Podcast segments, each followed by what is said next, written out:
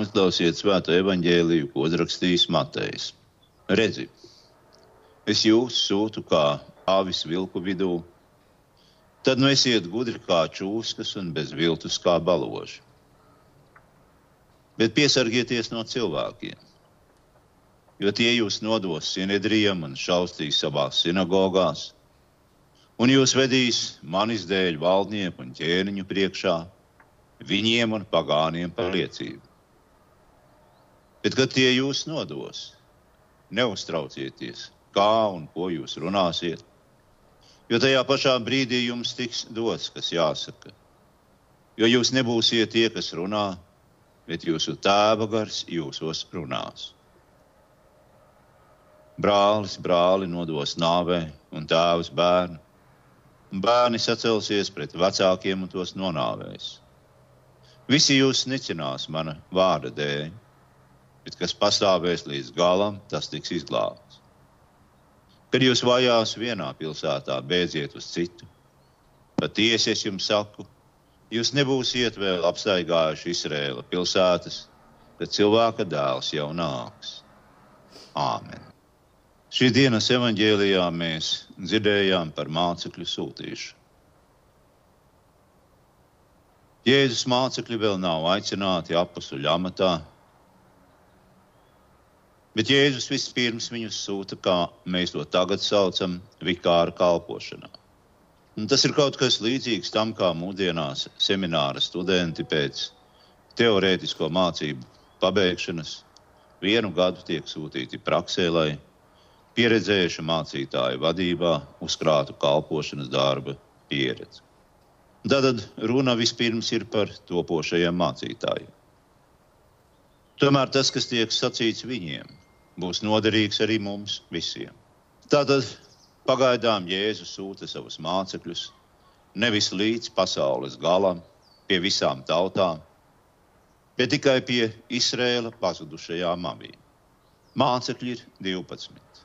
Sīmenis, saukts Pēteris un viņa brālis Andrejs, tad Jākabs, Zebedeja dēls un viņa brālis Jānis, Filips un Bartolomejs, Toms un muitnieks Matejs, Jākabs, Alfija dēls un Tadejs, kanānietis Sīmenis un Jūda Iskariots, kas viņu nodeva.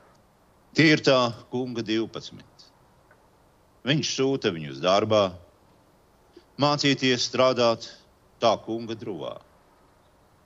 Bet pats tajā pašā laikā viņš cieši tur lietas savās rokās.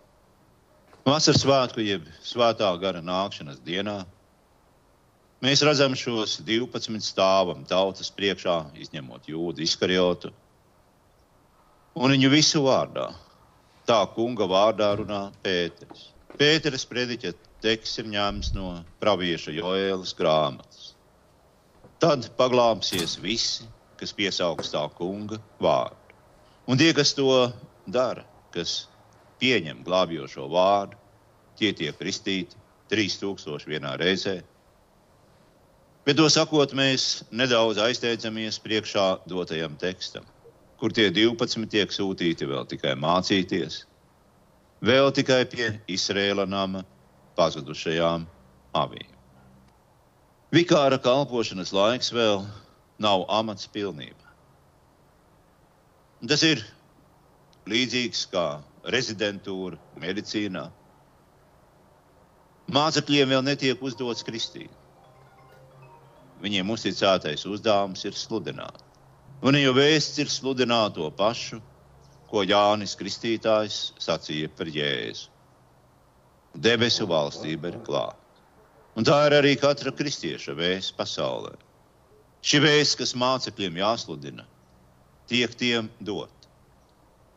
Tā nav viņu pašu sacerēta, tā nav viņu reliģiska ideja vai izdoma, bet tā viņiem ir dota ja tagad viņi tiek nodoti un vēsti jūda augstās tiesas priekšā, un uztraucas un baiļojas par to, kas tagad notiks un kas tiem jāsaka, tad viņiem nekas nav jāizdomā pašiem, bet vienkārši jāatkārto tas, kas tiem dots. Tas ir tiem dots. Tā ir vēsts par Jēzu. Viņā debesu valstība ir klāta. Šī vēsts tiks nesta svētā gara vadībā, kurš runās ar mācekļu mutēm. Šī dienas evaņģēlijas tālāk stāsta, ka mācekļi tiek īpaši stiprināti savam uzdevumam. Tas nebūs viegls uzdevums, viegla pastaiga, jo tas ir uzdevums tā kunga vārdā. Tomēr tā kā tas ir uzdevums tā kunga vārdā, mācekļi nevar ciest sakām. Ja viņi liktu savu cerību uz kaut ko citu nekā tā kunga vārds, tad viņi pavisam noteikti piedzīvotu neveiktu.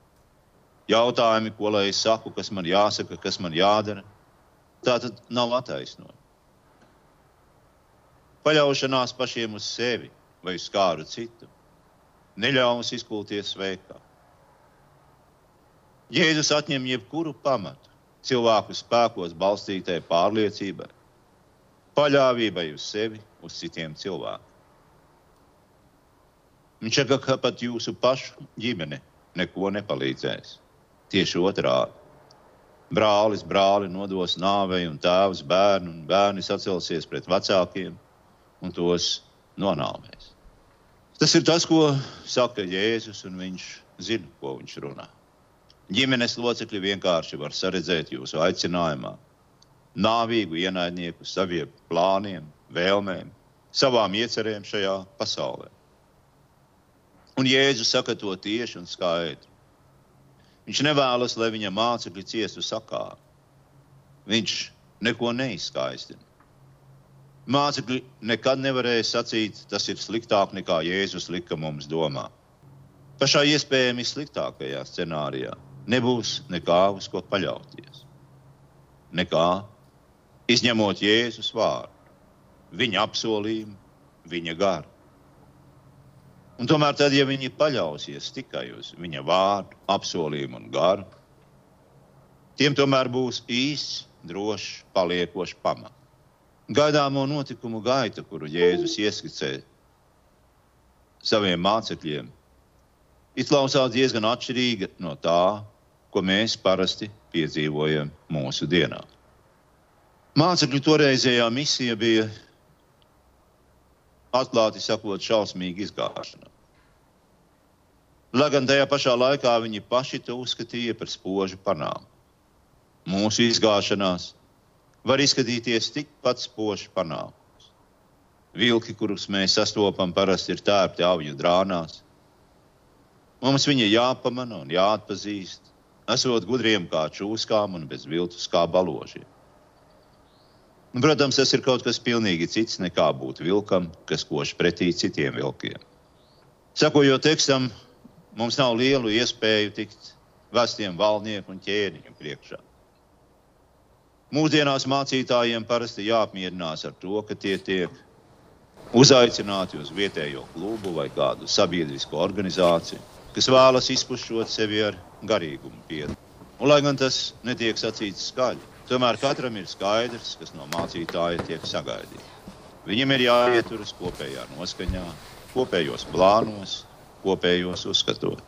Pasaule ar vienu cenšas pieradināt kristiešus šādā veidā. Un cienījamas kundzes tad var stāstīt viena otrai, ai, man te jāpastāsta par mūsu jauno vikāru. Viņš patiesi ir jauks, tikpat jauks kā mana mīļā Bela. Jā, pasaule dieva sarksuņus ātri prot pārvērst mīlīgos kliepjas sunīšos. Panākt, lai tie pārstāji brīdinoši riet, bet tā vietā mīlīgi vaukš, luncina asti un laiza roku. Un visiem tagad ir labi. Nekas vairs netraucē mierīgo dzīvi mūsu visumā. Iepriekš sacītais attiecas ne tikai uz mācītājiem, bet uz visiem kristiešiem, un lielākā vai mazākā mērā arī uz dažādu profesiju pārstāvjiem. Jūs visus mēģinās pieradināt, lai jūs kļūtu kā mana mīļā Bela, lai jūs kļūtu klēpja sunīši. Kāds akls argentīniešu rakstnieks reiz apmeklēja Eģiptes piramīdas. Dodoties prom no varanās celtnes, viņš apstājās un pacēla sauju smilšu. Nedaudz tālāk viņš tās izbēra. Viņš bija pārvietojis sauju smilšu. Viņš baidījās, ka ir iztraucējis universu. Ceļot piramīdas, cilvēki domā, ka dara kaut ko nozīmīgu, diženu, lielu un varenu, kaut ko paliekošu. Tādu, kam ir nozīme visam mērogā un mūžības mērogā.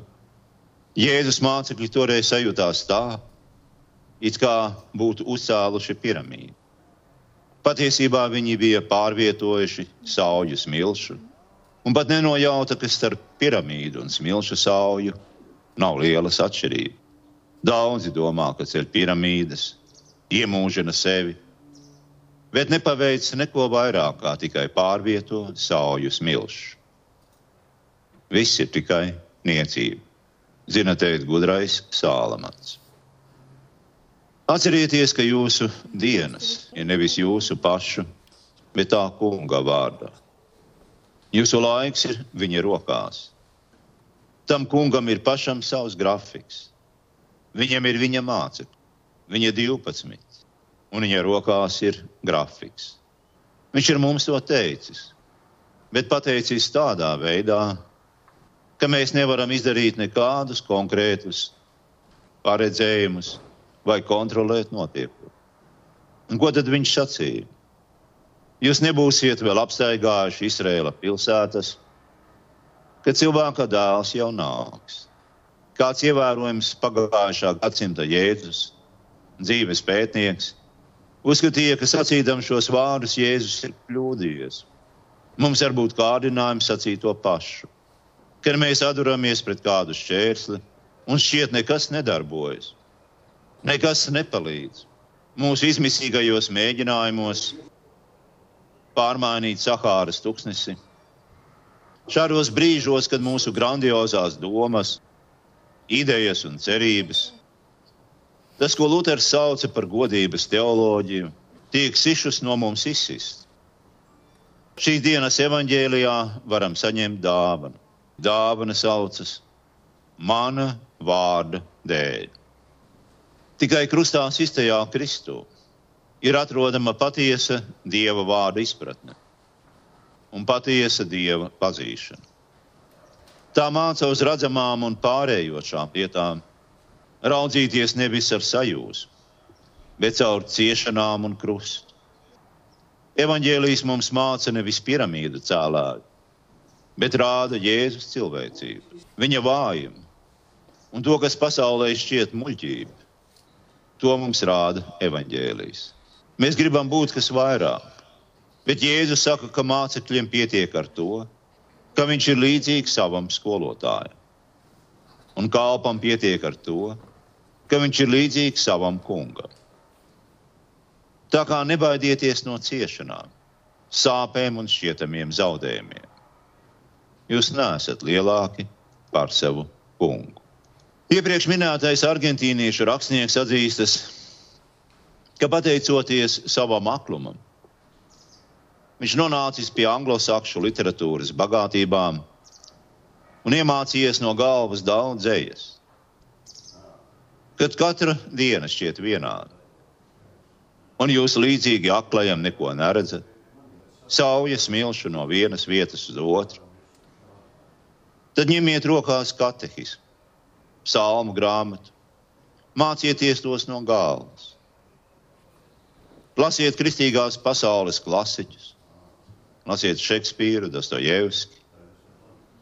Mācieties no putniem gaisā un puķiem laukā. Mācieties no maziem bērniem. Mācieties no kāda veca dzīves ista un daudzīta kristieša, kuri laiku pa laikam vēl atrodami šajā pasaulē. Un tas būs tikai pirmais solis pa jūsu aicinājumu ceļu, lai kāda būtu jūsu profesija. Nebīsties! Jūs neuz, neiztraucēsiet universu. Tas nav tas, kam jūs esat aicināti. Jūs neesat aicināti sist ar dēli pa ūdeni, liels blīkšķis, daudz šļakat, un tas arī viss. Nē, jūs esat aicināti kaut kam citam, kaut kam lielam un patiesam. Kam tad jūs esat aicināti? Un šo jautājumu tiek atbildēts sakot, ka Jēzus savus mācekļus sūtīja tādēļ, ka viņš iežēlojās par tiem, kas bija palikuši kā āvis bez gana. Jēzus jūta pret viņiem patiesu līdzjūtību, un no viņa mācekļiem Cilvēkiem bija jāuzzina par Jēzus līdzjūtību pret viņiem. Tu, tu vari ļaut viņiem to uzzināt. Būdams jebkuras profesijas pārstāvis, ārsts, skolotājs, galdnieks, celtnieks, ētnieks, mācītājs. Jēzus ir izvēlējies tevi savam nolūkam. Viņš nav tevi izvēlējies piramīdu celšanai, smilšu pārvietošanai bet gan viņa līdzcietības parādīšana. Ej, nes Kristus līdzjūtību. Nes ikvienam, ar kuru tu sastopies šīs pasaules tuksnesī. Necelt tur piramīdas, nepārnēsās milšu saujas, bet nes līdzcietību un žēlsirdību Kristus vārda dēļ, un viņa miers būs ar tevi. Āmen!